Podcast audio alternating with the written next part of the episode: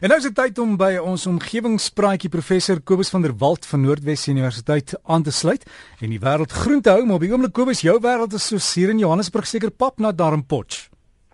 Môre Derrick, môre al ons omgewingsvriende. Ja man, is dit nie wonderlik nie, weet jy, uh, ek was vroeër hierdie afgelope week uh, daar in die Oeverberg gewees. Ek het gou in in Caledon 'n draai gaan maak en dit het so heerlik gereën daar. En toe vlieg ek terug hier na hierdie ou droë dorre Transvaal toe wat so droog is. En nou ja, van gister af is die sluise oopgetrek. Dit reën heerlik hele nag, so saggies gereën. En uh, is dit dan nie lekker om wakker te word met die die klank van reën in jou ore nie. Ehm um, ons is baie dankbaar en ek hoop dit reën sommer wyd en dit reën daar waar dit droog is ook sommer lekker. Maar nou ja, vanoggend wil ek graag vertel van 'n artikel wat handel oor die nietige muur En die artikel is onder my aandag gebring deur Jan Snougels en ook uh, eh, PW de Jager van Centurion. Twee van ons omgewingsvriende wat na dieselfde artikel verwys het. Nou die artikel is 'n paar dae gelede deur die Britse Ekologiese Vereniging gepubliseer en dit vertel hoe mure ingespan kan word om peste te bestry. Nou nou mate daar al hoe meer mense op ons planeet bykom en die aarde se hulpbronne onder al hoe meer druk verkeer, het veral die landbougemeenskap nuwe wyse nodig om peste en plaae te beheer. En ekoloë het nou in die vorm van muurkolonies so 'n veilige, volhoubare en koste-effektiewe pestbestryder gevind. Nou in 'n artikel wat in die journal uh, die skiet ek gaan dit in Afrikaans sê, die joernaal vir toegepaste ekologie gepubliseer is, word meer as 70 studies aangehaal wat bewys dat mure peste meer effektief en goedkoper kan bestry as chemiese pestdoders. En dit is op gewasse soos kakao, sitrus, palms, seders, neute, mangos en nog 'n hele klomp ander gewasse. Nou die navorsing is oor 'n tydperk van 20 jaar lank gedoen en dit sluit muurkolonies van 50 verskillende spesies in. Ehm um, en hulle het dit gedoen oor in 8 lande wat in Afrika, Suidoos-Asië en Australië geleë is. En net gou 'n bietjie agtergrond, mure kom op elke kontinent voor behalwe in Antarktika en hulle is een van die mees suksesvolle terrestriële diere. Daar is meer as 12000 verskillende spesies mure op aarde, verskillende soorte en sommige ekoloë beweer dat as mens nou die gewig van al die mure op aarde bymekaar tel, dit dieselfde sal wees as die gewig van al die mense op aarde. So mure is baie suksesvol en hulle is ongelooflik vindingryk en hulle is ook baie sterk Want studies het bevind dat 'n muur in die orde van 20 keer sy eie liggaamsgewig kan optel. En as ons dit nou met 'n mens se krag vergelyk, dan sal dit wees soos om so staan dit 5 laerskoolseun te sien wat 'n klein motortjie bo in sy kop kan optel. Dit is hoe sterk mure is.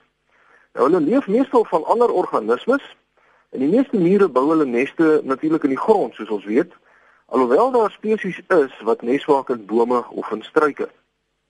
Nou ek het op uh, ek het vroeër die die afgelope week reeds op omgewingspraatjies se Facebook bladsy so 'n kort video geplaas van mense wat 'n muurnes in die grond met beton gevul het en toe oopgegrawe het om te sien hoe die muurnes lyk.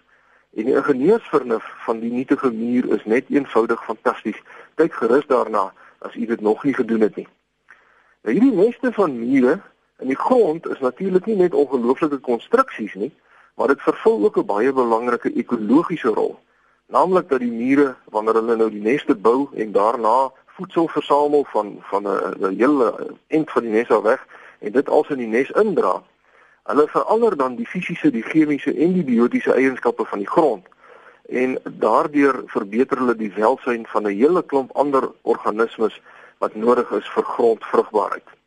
So 'n nes verander byvoorbeeld die grond se temperatuur en die vogtigheid in die grond dramaties en dit het 'n baie positiewe invloed op die res van die lewende organismes wat in die grond woon. Nou 'n eienskap van die muur wat hom 'n baie effektiewe roofdier maak, is dat hy feromone afskei sodra hy 'n prooi opspoor. En dan is dit net 'n kort tydjie voordat swerms ander mure vanuit die nes nader storm om te kom help. En op hierdie wyse kan mure selfs prooi wat baie groter en sterker as hulle is baas raak deur spanwerk. Maar individuele mure kan natuurlik net so effektief kleiner organismes van plante af verwyder. Nou terug by die pestbeheer. Die meeste navorsing oor mure as pestbestryders is gedoen op die wewermuur wat in tropiese en subtropiese gebiede voorkom en balvormige neste maak deur blare aan mekaar te weef. Nou ek het hier in Suid-Afrika daar by St. Lucia ook al sulke muurneste in bome gesien. En as jy net aan die nes raak, dan storm daar honderde woedende mure binne 'n paar sekondes uit die nes uit en weer jou as enige liggaamsdeel van jou nog naby daai nes is. Nou hierdie mure beskerm natuurlik die boom of die struik waarin hulle woon se vrugte baie effektief teen peste en pla. So al wat die boere doen is om sulke neste in die natuur te versamel en dan uh, hang mens die goed in plastieksakke in die boorde op um, of in die landerye en jy voer die mure 'n suikeroplossing sodat hulle nou kans kry om in die uh, om nuwe neste in die gewasse te weef waarin die plastieksak nou hang met die ou nes. Nou die boere verbind dan individuele bome met bobbejaantou of dan sommer sintetiese toue sodat die mure van die een boom na die ander boom kan loop en dan loop hulle die hele boord vol en sien daar jy het 'n gratis omgewingsvriendelike en 'n baie effektiewe pestdoder wat slegs 'n bietjie water sal benodig wanneer dit droog is. En die water kan jy dan ook sommer in plastiekbottels verskaf wat jy net naby die neste gaan ophang. Nou boere moet dan net seker maak dat daar 'n gaping is tussen verskillende kolonies se se groepe bome want anders maak die mure te mekaar oorlog.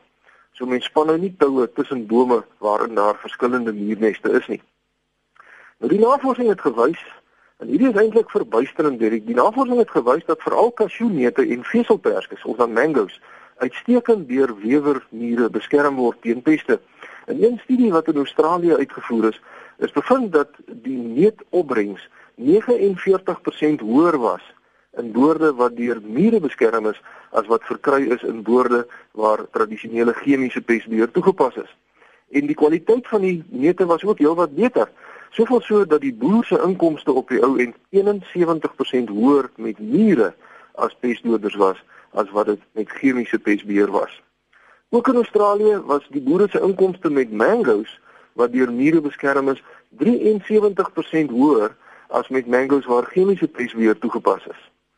Nou die artikel waarsku egter dat hierdie twee voorbeelde uitsonderings is. Dit is dit klink te goed om waar te wees. So dit is uitsonderings en mure is nie in alle gevalle beter as chemiese pestdoders nie. Maar in die geheel gesien sê die artikel is mure minstens net so goed soos die chemikalieë, maar die verskil is dat die mure natuurlik baie goedkoper is en ook oneindig meer omgewingsvriendelik as die chemiese pestdoders. Die artikel waarsku egter dat boere nou nie op loop moet gaan met die mure nie.